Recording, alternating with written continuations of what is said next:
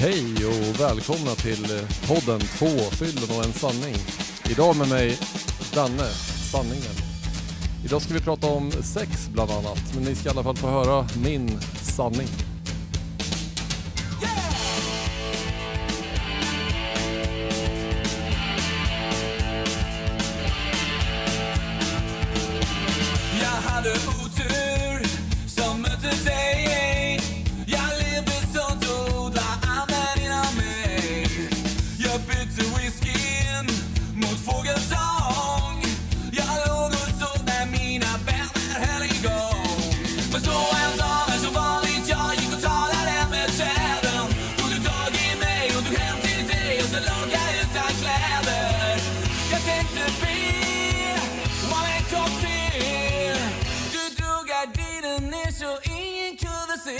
Och vi tog om och om och om och om och om och om igen In och ut, ut och in, in och ut igen Ja, hej! Vad kul att eh, ni är här och lyssnar. Idag tänkte jag att ni skulle få lyssna på mitt alldeles lilla egna avsnitt. Och en del har ju, som har följt den här podden, känner mig som Danne, eh, sanningen.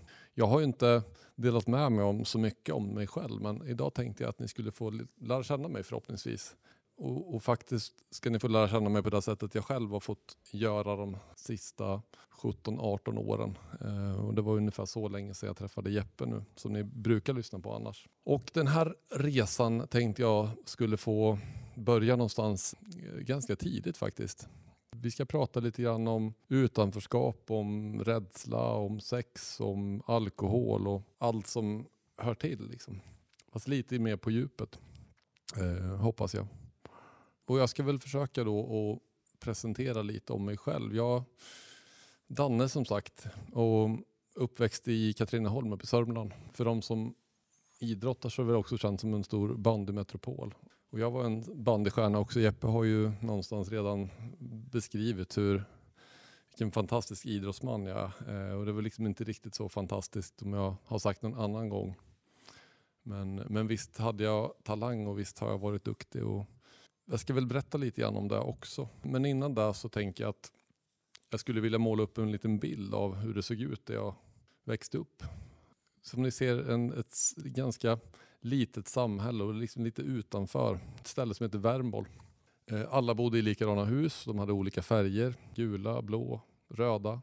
Mycket lekparker. Vi var ute jämt. Spelade landhockey, burken, röda vita rosen. Hade väldigt, väldigt många kompisar. Och, och minns min uppväxt med glädje det var så det såg ut. Jag började ju tidigt och idrotta. Jag var fem år när jag började spela fotboll och bandy för det var så det var. Är man född som jag då 82 och bor i Katrineholm så är man kille så spelar man bandy och fotboll oavsett om man tycker det är kul eller inte. Jag hade ju innerst inne ändå tyckt att det var väldigt roligt. Uppväxt med bollar sen jag var, jag tror jag höll på med bollar innan jag kunde gå. Vilket jag är väldigt tacksam för. Tack pappa eh, för att du stod ut med mig. Han har en historia som jag tänkte jag kanske skulle berätta också. Han var så trött på mig och bollar när jag var fem sex år tror jag det var. Så han tog med mig till en leksaksaffär i Katrineholm och sa att nu får du välja precis vad du vill i hela leksaksaffären. Och efter mycket om och men så hade jag gått runt och kollat och lyft på alla dyra Playmobil-saker och värstingleksaker för tusen lappar. Så till slut så valde jag en röd plastboll med vita prickar för nio kronor. Och det var då han gav upp hoppet om mig. Då visste han att det är bollar som kommer gälla för honom resten av livet. Men det är jag som sagt tacksam för att jag fick göra. Så jag tänker att utåt sett så de som känner mig och vet vem jag är har nog liksom ingen aning om hur det såg ut på insidan ganska tidigt. Utåt sett så var jag glad, jag hade mycket kompisar, jag var duktig på sport. Jag tror jag såg rätt hygglig ut också. Men ganska tidigt så hade jag en helt annan bild av mig själv. Vilket var så svårt. Jag har såklart inte kunnat sätta ord på i den åldern. Utan, men, men däremot så började jag nog tidigt att uppleva mig själv som lite annorlunda. Kunde känna mig lite utanför. Rädd att inte duga till. Jag var rädd att inte bli vald. Att inte få vara med. Så att väldigt, väldigt tidigt så började jag utveckla en ganska så stor färdighet att försöka passa in. Att försöka och lista ut vad som skulle förväntas av mig både på lekis och i skolan när man skulle göra olika saker. Och, och egentligen var jag bara livrädd för att bli utelämnad och inte få vara med och, och hamna ensam någonstans. Och det här är egentligen en ganska konstig tanke eftersom jag hade kompisar. Jag var omtyckt och jag var, var duktig sen i skolan och på idrott och så vidare. Eh, men någonstans så bodde det någon känsla hos mig som skapade en hel del ångest. Som jag inte då kunde liksom sätta fingret på. Eh, men den, den fanns där. Och samtidigt så är det väl den här lilla ångesten som också drev mig framåt vad det gällde min idrottsliga karriär. Som gjorde att jag drev mig själv vidare och vidare och vidare att jag ville bli bäst. För det var någonting som jag ville bli. För att, och idrotten blev ju den plattform där jag fick min självkänsla uppfylld på något sätt. Fast du fattar ju inte då eh, att det inte var självkänsla utan det bara var självförtroende. Så att idrotten var plattformen som byggde mig på något sätt. Men på de andra arenorna så kände jag någonstans att det, fasen, jag passar inte riktigt in. Och jag har ju såklart funderat på sen jag har lärt känna mig själv på senare år vad det här beror på. Och, sådär. Och, och någonstans så tänker jag att det beror på ett ganska känslofattigt klimat. Jag har sett hur det är att vara arg och vara glad när jag växte upp men jag har, hade inga verktyg att hantera alla känslor som finns däremellan. Det vill säga att det här klassiska, och det är ju så vi ofta växer upp, att är jag ledsen eller arg eller rädd och sådär, "Nej, men det där är inget att vara ledsen för. Kom igen, torka bort tårarna. Och, och de här sakerna som omvärlden bara ville mig väl, tänker jag, att de ville att jag skulle vara stark och att jag skulle växa upp och att jag skulle må bra. Men det fick ju någonstans en också att känna att jag, fasen vadå? Jag är ju ledsen. Och det var inte riktigt okej. Och, och, men, men de här små, små subtila sakerna tror jag att jag gör att man får någon form av känsla att fan, jag är inte riktigt okej. Och någonstans så börjar jag ju fundera egentligen på men hur vill omgivningen att jag ska vara då? Vad förväntas det av mig i alla situationer? Hur vill de här kompisarna att jag ska vara? Hur vill mamma och pappa att jag ska vara? Hur vill mina släktingar att jag ska vara? Och hur ska jag vara i skolan? Hur ska jag vara på fritids? Så att tidigt, tidigt så börjar mina tankar och min uppmärksamhet gå till hur vill omgivningen att jag ska vara? Eh, och, och i det här så börjar jag ju också då såklart glömma bort att fundera på vad tycker jag är kul? Hur vill jag vara? Vad tycker jag? Vad, hur känns det i min mage? Jag fokuserade hela tiden på, på de andra. Förutom på en arena och det var på fotbollsplanen och på bandyplanen. Där visste jag hur jag skulle vara. För där var jag duktig. Där var jag ju en av de bästa. Och det, det kände jag ju någonstans tidigt att ja, men det här är min grej. Men i övrigt så, så var jag väldigt, väldigt osäker och det var ingen som kunde se det. För jag hade ju en yta och en mask på mig som visade någonting helt annat. Men, men som ett exempel, min, jag var inte gammal alls, jag kanske var sju bast. Gick på lågstadiet. Så var ju det här med musik lite häftigt och, och sådär. Och jag hade ju såklart i och med att jag funderade på vad alla andra tycker egentligen så hade ju inte jag någon upplevelse av vad bra musik var utan det fanns ju ett band som hette Shaboom och som hade släppt en ny singel som hette ROCK. Och eh, det var ju en cool grannpojk på gatan som var några år äldre som såklart hade lyssnat på den här låten och han var ju riktigt eh, inne och, och sådär så att eh, jag ville ju vara som honom. Det var ju min, lite min idol för han hade ju förstått, han var ju lite häftig. Så att jag gjorde ju så helt enkelt att om jag börjar också lyssna på den här musiken så kommer jag också bli cool. Så att eh, det var faktiskt min första skiva som jag fick. Och jag lyssnade ju inte jättemycket på den där för jag tyckte inte ens om den där låten egentligen. Men jag försökte att träna och träna och träna på att försöka tycka om den där låten. Fast jag kan ju idag säga att det gjorde jag ju aldrig riktigt. Även om jag försökte övertala mig själv till det. Och så där höll det liksom på. Jag försökte hela tiden skapa någonting som, ja, det här kommer andra gilla. Vad kan jag göra för att jag ska bli omtyckt? Och i den här resan så gör jag ju väldigt mycket våld på mig själv. Jag prioriterar ju bort stora delar av vad jag själv tycker egentligen är roligt. Någonstans blir jag ju väldigt osäker, rädd att inte duga. Jag känner utanförskap, jag känner ensamhet. Utom på, på idrottsplanen. Så under den här tiden under mellan och högstadiet när det är det här man ska skaffa sig någon form av identitet har jag fattat nu så försökte jag ju hela tiden då att fundera ut hur ska jag vara för att jag ska bli uppskattad istället. Så jag var ju inte så fokuserad på vad jag gillade.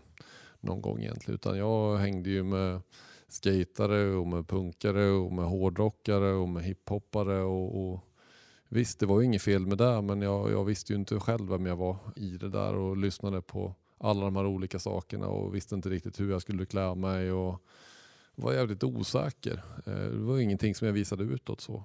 Jag hade väldigt mycket olika vänner och sen hade jag ju idrotten som jag redan har pratat om som jag kunde känna mig trygg i. Men eh, jag tänker att jag, jag var väldigt mycket som det här att apan känner alla men ingen känner apan. Eh, nu tänkte jag att ni skulle få lära känna apan. Apan har ju en väldigt mjuk sida som jag inte vågade visa upp. Eh, Jag låg ju väldigt mycket hemma på mitt pojkrum och kollade på romantiska komedier och helst med Sandra Bullock och Meg Ryan, vilket jag älskade.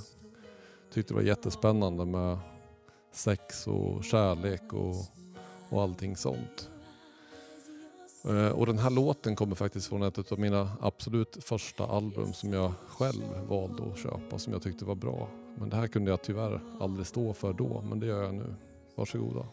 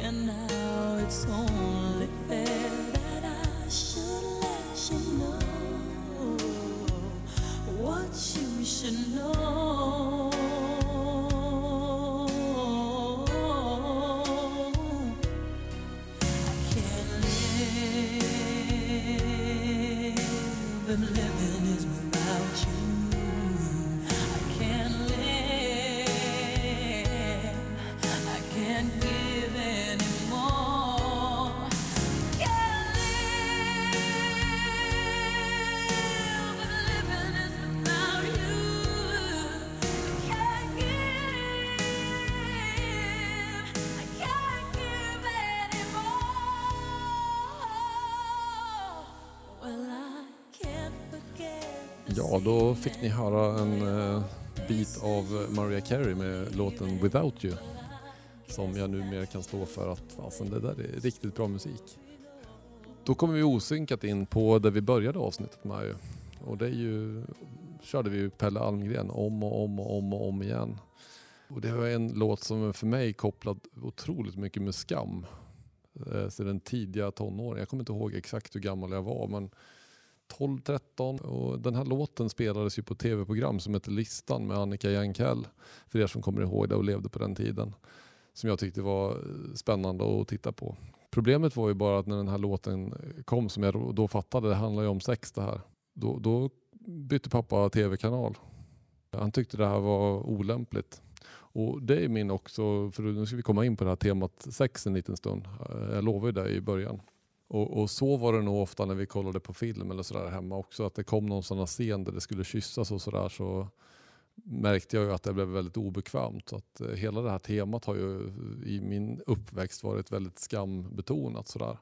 Jag har aldrig kunnat prata om det hemma och jag har aldrig vågat berätta att jag har varit kär eller att jag har haft en relation eller på något sätt. Så att jag har, för min del var det väldigt svårt och väldigt skambelagt som sagt det här ämnet. Och det är ju också den här tiden sen som så småningom kommer när man som grabb förväntas att du ska ha sexuell debut och premiär. 14, 15, 16, 17, vart, vart det nu, det spelar inte så stor roll. Och jag var ju som jag redan har berättat om otroligt osäker och, och rädd och hade prestationsångest och tyckte inte att jag dög. Och det gjorde jag dög ju väldigt bra på fotbollsplanen men det kunde jag inte ha sex på fotbollsplanen. Och, och någonstans var det ju här som, som min premiär i alkoholen också ägde rum. Och, och då blev det ju magi. Första gången jag drack så var ju sommarlovet mellan sjuan och åttan. Och, och det var ju precis där också det var man skulle gå på, jag hade ju varit på mellanstadiediskon och sådär och stått där vid fem i tolv och önskade att jag hade vågat bjuda upp den där tjejen som jag gärna ville dansa med. Och jag vet också att det fanns tjejer som stod och tittade på mig som gärna ville dansa som var, ja, kände likadant. Sen fanns det modiga tjejer som bjöd upp mig och då tyckte jag att fasen var jobbigt, jag kan ju inte ens dansa. Men på högstadiet och när alkoholen kom in i bilden så helt plötsligt så löste ju alkoholen precis det jag inte kunde lösa själv. Rädslan var som bortblåst. Min fokus på hur jag uppfattades slutade existera. Jag började istället känna någonting i mig själv som jag aldrig hade känt förut. Och det var som den där tårtbiten som hade saknats under hela min uppväxt. Den bara satte sig på plats när jag fick i mig sprit. Ofta var det folköl i början så man fick pissa som en idiot men det, det var det värt. För det var som att bli fylld och, och, och hela min, mitt fokus kunde liksom bara vara på allt annat. Och jag slapp fokusera på mig själv och hur jag uppfattades. För jag var ju kung nu. Allt flöt ju på tyckte jag. Det var en magisk upplevelse. Så jag är en av de som brukar säga att jag var alkoholist redan första gången jag drack. Tveklöst. Jag var totalt såld. För att knyta ihop det där till det här med sex då, så var ju det också en sån sak som, som såklart jag tyckte var jobbigt men, men det löste ju alkoholen. Sen så dröjde min sexuella debut för det var någonting som jag tyckte var jobbigt och skamfyllt och så jag hade liksom svårt med. Och för att liksom slå ett slag för hur vi nu har det i Eh, Jag, jag tror att som för, för många i den åldern som jag var i då, både tjejer och killar, så är det första mötet med sex inom porrindustrin. Någon porrblaska som någon polare hade liksom hittat och, eller någon porrfilm som man fick se hos någon polares storebror. Eh, jag kommer inte exakt ihåg hur det var. Och den, den är ju väldigt snedvriden hela den bilden av att, att eh, man som kille ska kunna hålla på hur länge som helst och tjejer vill ha hur mycket som helst. Och, och, alltså allting, allting blir väldigt snedvridet. Fast det i själva verket är, och det har jag inte förstått förrän långt, långt, långt, långt senare, att det är- där är ju egentligen en bild som, som ingen kan, orkar eller vill egentligen leva upp till. Möjligtvis med en del hjälpmedel och droger och sånt så, så är det väl en del som kan leva upp till det. Då. Så att man har väldigt skeva förväntningar och föreställningar om vad det där handlar om. Så att för mig blev det bara någonting som var väldigt obehagligt och jobbigt. Men, men fyllan löste det där åt mig när, jag var, när det var sen dags att ha någon form av premiär. Jag kommer inte ihåg, jag kanske var 16-17 år. Kommer väl inte ihåg jättemycket av själva händelsen. Så det var väl en ganska tragisk premiär. Men då hade ju någonstans också jag börjat druckit oftare och oftare. Och min idrottskarriär hade väl också börjat någonstans att åsidosatts lite grann. Jag har ett vagt Nej, det är väldigt klart det här minnet. Vi hade en fotbollscup när jag var 16 år. Eh, mina fotbollstränare hade också då vid det här laget förstått att jag var rätt glad i spriten så de hade varnat mig under säsongen så att ja, men jag vet inte om det, du ska följa med till Danmark. Vi skulle på fotbollscup till ett ställe som heter Viljeberg i Danmark. Men jag var bra på att lova och försöka. Jag var inte bra på att hålla det jag lovade då. Eh, men till slut så fick jag i alla fall följa med på den här kuppen. Och när vi spelade det här fotbollslaget så var vi rätt duktiga. Vi spelade i pojkallsvenskan och, och mm, ja, mötte Djurgården, AIK och alltså toppklubbar i Sverige då. Och ja, men, som Jeppe har varit inne på i tidigare avsnitt så, så var jag väl hygglig liksom, om jag får säga det själv. Och eh, de ville ju såklart ha med mig till den här kuppen men var väl lite oroliga för vad som skulle kunna hända nere i Danmark utan föräldrar och så. Men jag lovade att jag skulle sköta mig. Men det som hände var när vi kom ner till den här kuppen att vi hittade ju klart ett par danskar som var lite äldre som hade fest på någon gata där. Så att eh, redan första kvällen så blev det ju lite öl. Men då var det väl rätt lugnt i alla fall. Andra kvällen så var det dagen innan kuppen skulle börja. Då blev jag och några till kalasfulla, blev indragna av tränarna tidigt på kvällen. Jag kommer inte ihåg så mycket men jag hade sagt ett uttryck som att alla andra är fulla som björnar och jag är nykter som ett rådjur. Och där fick jag ju höra rätt lång tid efteråt. Att, ja, vad fan tänkte du där? Nykter som ett rådjur. Men det var ett, eh, en egen dragning som jag hittade på i stunden. När jag, de fick försöka leda mig över skolgården in på det här sjaskiga klassrumsgolvet skulle ligga på. Det här gjorde i alla fall att det blev ett jäkla snack dagen efter och jag fick ju inte vara med och spela för att jag, hade varit, jag var ju bakfull som fan. Jag tog det lugnt då på fredagen och fick ju inte vara med och spela. Sen på lördagen så var det dags att göra med premiär i kuppen. Första matchen så tog jag ett rött kort har jag för mig. Vilket gjorde att jag blev avstängd i den andra. Så jag spelade nog totalt 20 minuter och vi var utslagna ur kuppen.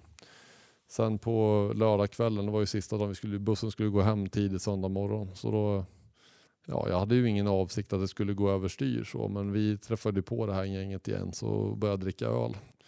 Träffade någon tjej där från den här byn Viljeberg och hamnade väl henne i hennes föräldrahem och det är där jag vaknar sen på morgonen. Helt y, jag har ingen aning om vad jag är. Men av någon, på någon konstigt sätt att komma tillbaka till den här skolan. Och då stod ju alla färdigpackade och, och skulle ja, äntra bussen för vi skulle ta oss tillbaka. Och jag kommer liksom ihåg blickarna från tränarna. Besvikelsen som var i luften och, och skammen som bara fyllde mig totalt. Att fasen nu, nu, nu är det klippt. Så. Och eh, det var det sista jag hade gjort i den här klubben jag var i då. Och jag gjorde som jag skulle vilja generalisera lite som en alkoholist gör när man kommer hem. Tog inte mitt ansvar och, och stod upp för eh, styrelsen i klubben eller sådär att fasen jag har gjort fel, jag ber om ursäkt. Utan jag valde att avsluta mitt fotbollsspelande i pojkallsvenskan och bytte till ett annat lag istället som höll, höll till på en liten annan nivå. Där det var mer okej att dricka en bira i omklädningsrummet efteråt med A-laget. Och det var väl så här mitt liv började se ut. Att alkoholen var den som dominerade. Som var det viktigaste på något sätt. Och utifrån bakgrunden som jag beskrivit så hoppas jag att ni förstår lite mer varför. Det var ju där jag fick känna mig hel och få den här självkänslan som jag själv inte hade.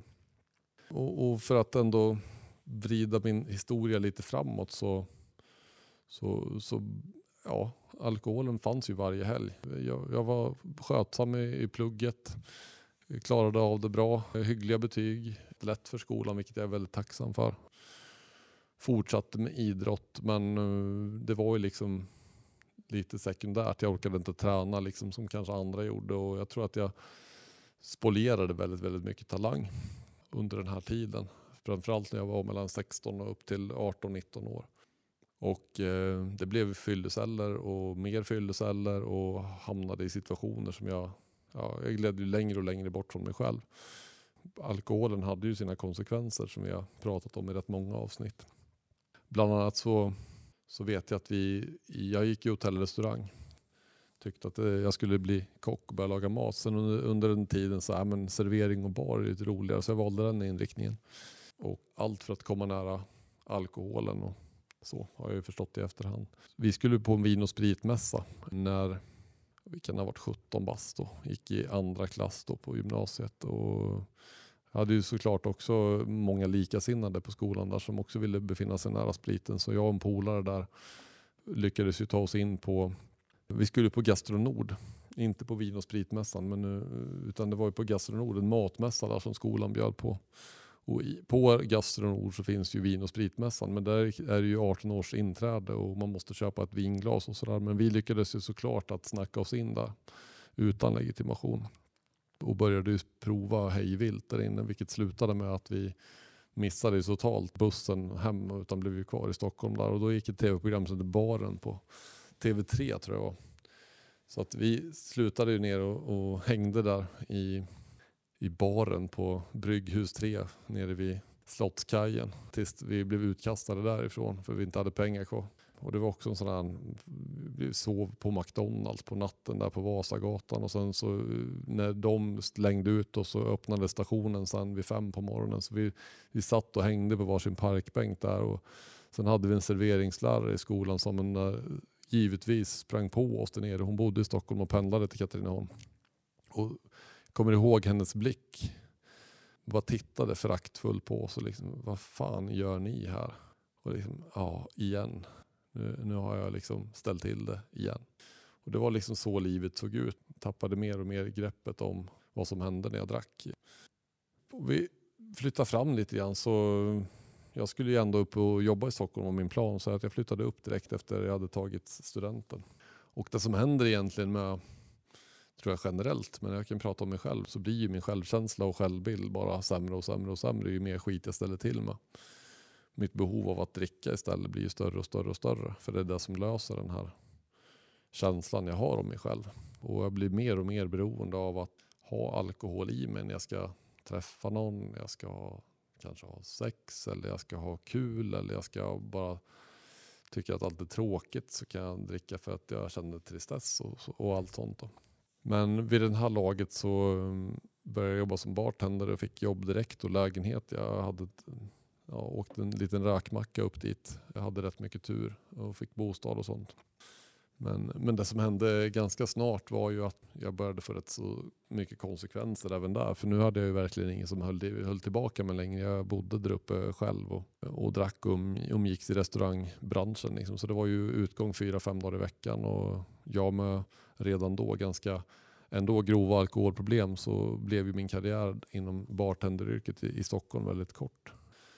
Och det var ju första gången jag tänkte att ja, men det där med att jobba som bartender är lite alkoholproblem, det kanske inte är rätt. Jag får ju bara skaffa mig ett vanligt jobb så kommer det lösa mina problem. Sagt och gjort så ordnade jag ett försäljningsjobb istället. Jag skulle jobba 9 till 5 istället och då tänkte jag att ja, nu är det grönt. Då kan jag ju dricka på helgerna sen som alla andra gör och, och ta det lite lugnt.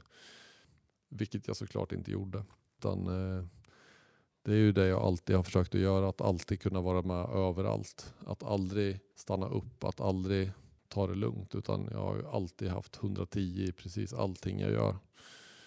Så jag fortsatte ju umgås med mina restaurangvänner och försökte att sköta jobbet. Men jag kom ju bakis var och varannan dag till, till det här försäljningsjobbet ändå. Till slut så tog chefen in mig och sa det. Alltså du, det här funkar inte längre. Nu har du ju hållit på och kommit för sent och du har lovat bättring men, men det här funkar inte. så Jag vet inte vad vi ska göra. Bra på att snacka som jag är så lyckades jag på något sätt att övertyga honom att ja, men snälla, snälla, snälla ge mig en chans till. Jag lovar. Jag ska sälja åt dig och, och jag ska verkligen komma i tid. Och jag, ska, och jag var ju ärlig.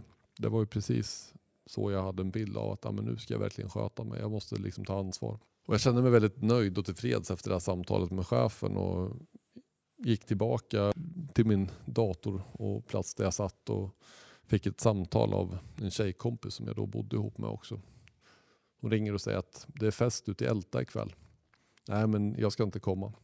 Inte en chans. Jag har haft eh, ett samtal med min chef nu. Att jag kommer få sparken från jobbet om jag, om jag missköter det nu så jag måste verkligen upp och jobba imorgon. Så hon bara, åh fasen vad tråkigt. Och, ja, du vet min, min eh, tjejkompis som jag har nere från Skåne kommer ju upp så det hade varit skitkul om det hade kunnat kommit. Och, och jag stod fortfarande på men nej men det, tyvärr det var ju synd så men det, det funkar inte. Sen la vi på.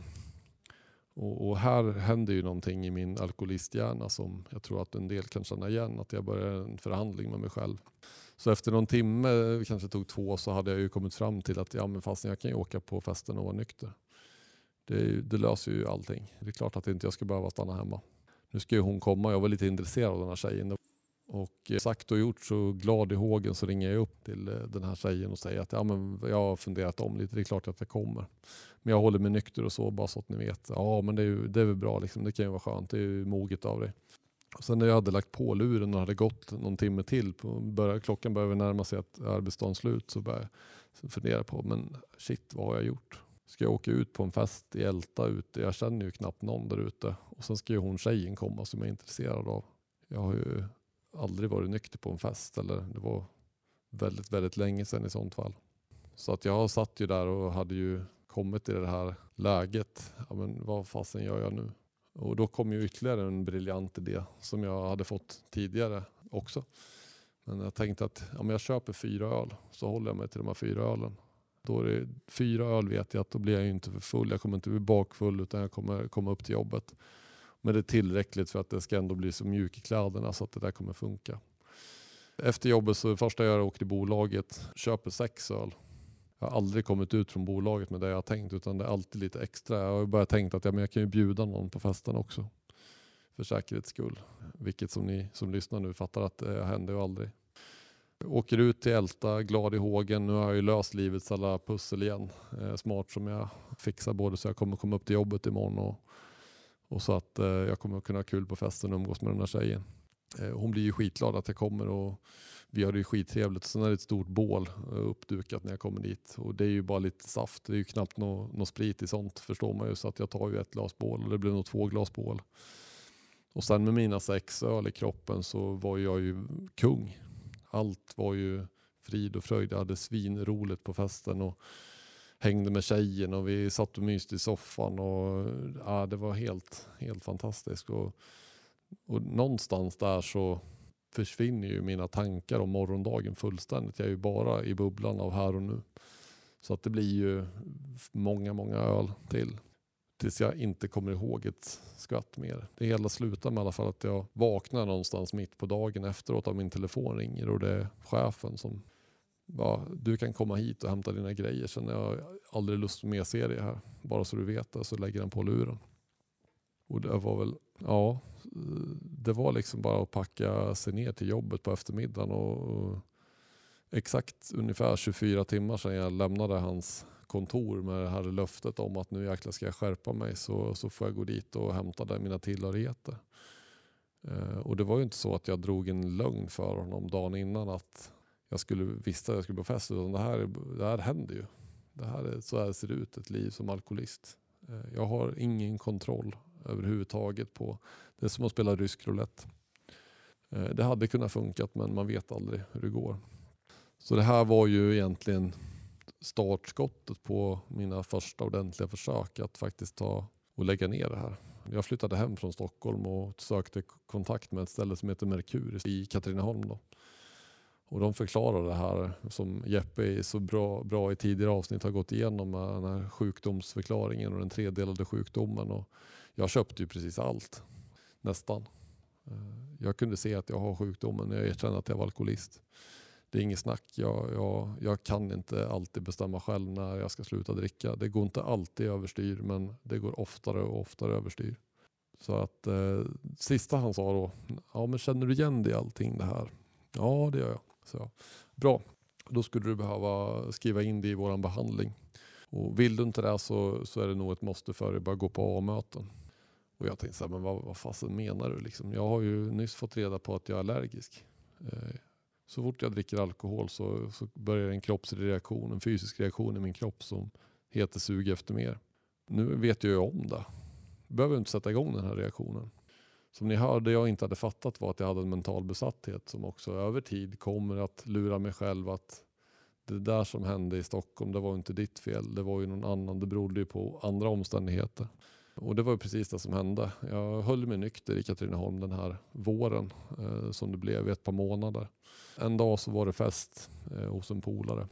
Jag minns hur jag står på hans balkong där en bra bit in i festen och tycker att det är så fruktansvärt jäkla tråkigt och jag är så fruktansvärt utanför och, och tycker att livet är ju bara så jävla värdelöst. Jag minns beslutet eh, när jag gick mot kylskåpet och jag vet att det var någon sån här rekorderlig skogsbärscider på 7,2. Jag brukade inte ens dricka cider. Men när jag stod och klunkade i mig den där på balkongen så lovade jag mig själv att fasen kom aldrig på den här tanken att vara nykter igen. Det är det värsta jag någonsin har gjort. Så, och då satte jag igång igen och det spårade otroligt fort. Vid det här laget så hade farsan hjälpt mig in på Scania också så jag hade fått ett jobb. Så att eh, jag hade bra, gott om pengar som jag kunde kröka för och det var liksom torsdagar och onsdagar. Och det, det gick ganska fort. Som tur är så på, på sommarna så, så träffade jag träffade en tjej då. Som, eh, och det hade jag ju förstått att ja, det är väl därför jag, jag håller på och dricker som jag gör. Eh, jag har ju liksom ingen relation. Jag har ju aldrig haft en liksom riktigt långstadig relation. Det har ju varit lite kortare. Så att ehm, ja, det skulle ju kunna få det att funka. Och jag slutade ju dricka lika ofta. Jag drack ju någon gång på helgen och sådär. Och Det fortsatte ju gå överstyr såklart. Men, men någonstans så, så tänkte jag att ja, men det här är nog grejen i alla fall. Men eh, till slut så flyttade vi ner till där jag bor nu i Kalmar och tänkte att ja men ny tjej och, som, och bonusdotter som jag fick på köpet, vilket jag är jättetacksam för idag och, och alltid varit för den delen. Så tänkte jag att nu kommer det bli ordning på, på livet. Så att ny stad, familj, nu kommer allting ändras för mig och jag kommer kunna dricka som en gentleman, alltså socialt. För nu, nu jäklar ska de få se, nu ska jag skärpa mig, nu får jag en chans till en ny start. Så i Slut av juli 03 flyttar vi till Kalmar. Strax en månad senare så tas jag för grovt rattfylleri eh, i centrala Katrineholm efter en fotbollsmatch. Eh, inte som jag spelar då. Jag, jag, en del vet om att jag är en stenhård djurgårdare. Och jag åkte runt väldigt mycket på fotboll under den här tiden. Jag har pratat om det i något tidigare avsnitt också. Men eh, där var någonstans droppen, Eh, spiken i kistan för mig. jag slutade inte tvärt, men det var någonstans där som jag kände att fasen det spelar liksom ingen roll vad jag gör. Nu har jag flyttat, jag har en ny familj, men, men konsekvenserna fortsätter att komma. Jag, jag tyckte det var helt fel att sätta mig i en bil och köra, men när jag väl hade druckit sådär en 10-12 öl så kände jag att det är en fantastiskt bra idé. Nu kör jag ju som Mikael Schumacher. Däremot hade jag druckit två, tre öl så tyckte jag att det var fel. Men, men det är så spriten funkar i mitt huvud. Ju mer jag får i mig, ju mer tappar jag mitt förstånd och gör en massa konstiga grejer. Så att eh, där blir det i alla fall eh, början till att jag faktiskt senare den hösten i november eh, för första gången på socialförvaltningen blir kallad till ett sånt möte där man utifrån att man har åkt dit för en sån grej som jag gjorde då. Och, och under den här tiden i, när jag var i kontakt med Merkur och bodde i Katrineholm så har jag ju en jag ska nämna dig vid namn nu. Du heter Linda Sanderberg och du jobbar fortfarande kvar i socialförvaltningen i Katrineholm. Och du och din pappa hade betytt, betyder eh, mycket för mig fortfarande. Utan att ni kanske vet om det. Jo men det gör ni. Tyvärr så lever ju inte din pappa längre. Men eh, jag har möjlighet i alla fall att nu rikta ett stort tack till dig. För att eh, under hela min uppväxt i Katrineholm så var du en av de som hela tiden påminde mig om att när du väl ber om hjälp så, så, så är det det här du ska fråga om. Då ska du be om en öppenvårds eller en tolvstegsbehandling. Och när jag kom ner till socialförvaltningen i Kalmar den här dagen så var det precis där jag visste vad jag skulle säga. Jag hade hört Lindas och pappa Folkes ord. Att när du väl är redo, när du har nått din egen botten, vilket du måste göra, så är det, liksom, det är en tolvstegsbehandling du ska söka för det, det kommer hjälpa. Eh, sen när jag fick träffa min socialsekreterare, jag tror jag hon var rätt förvånad för jag var bara 21 år och sätter och lägger precis varenda kort som jag hade på bordet. Så här har mitt liv sett ut. Jag har problem med alkoholen och jag behöver hjälp. Och jag behöver gå en tolvstegsbehandling. Finns det någon sån i stan? Dagen efter så visade hon ner mig till, eh, som jag har sagt, eh, Sonnys Place Motiva. Och eh, där började min stappliga resa och sedan dess har, har jag sluppit dricka och det var den 30 november 2003. Senare året därpå så, så som tur var så träffade jag min bästa polare Jeppe när han stapplade sig ner och den historien har ni redan fått höra. Och jag tänker att någon, någonting som på något sätt har fört mig fram hit där jag är idag är väl på något sätt att i behandlingen så fick jag möjligheten att och då såg jag det verkligen inte som en möjlighet och såg jag som ett straff. Jag dömdes för den här grova rattfyllan och fick sätta mig i fängelse en månad. Trots att jag tyckte att jag borde kunna få fotboja och att jag gick ju redan i behandling och dumma frivården som inte kunde låta mig få gå klart den här behandlingen. Men det som hände när jag kom in på den här månaden nere i Skåne var att jag träffade en fantastiskt bra terapeut som på något sätt under den här månaden bara jobbade stenhårt med mig. För jag brukar säga att när jag kom in där så var jag rädd för ormar. Och när jag kom ut därifrån så var jag rädd för allting. Och det var under den månaden som jag verkligen förstod allt om min uppväxt. Nej, inte allt, men jag förstod mycket. Att jag var egentligen var en livrädd pojke. Jag hade i alla fall fattat att mitt problem var rädsla. Jag, jag tyckte inte att jag dög som jag var. Jag kände mig värdelös, jag kände mig utanför. Och, och på något sätt så var det starten i att lära känna mig själv. Och eh, jag tänker att jag ska avsluta mitt eh, lilla avsnitt med att eh, någonstans också vill liksom tacka er alla som har eh, lyssnat. Och, då, jag tänkte att jag skulle göra det med en låt som det handlar väldigt mycket om att försöka passa in och om ensamhet. Och jag smyger igång den lite grann och vill eh, tacka er. Och till alla ni apor och klåpare som känner igen sig i min historia så är den här låten till er.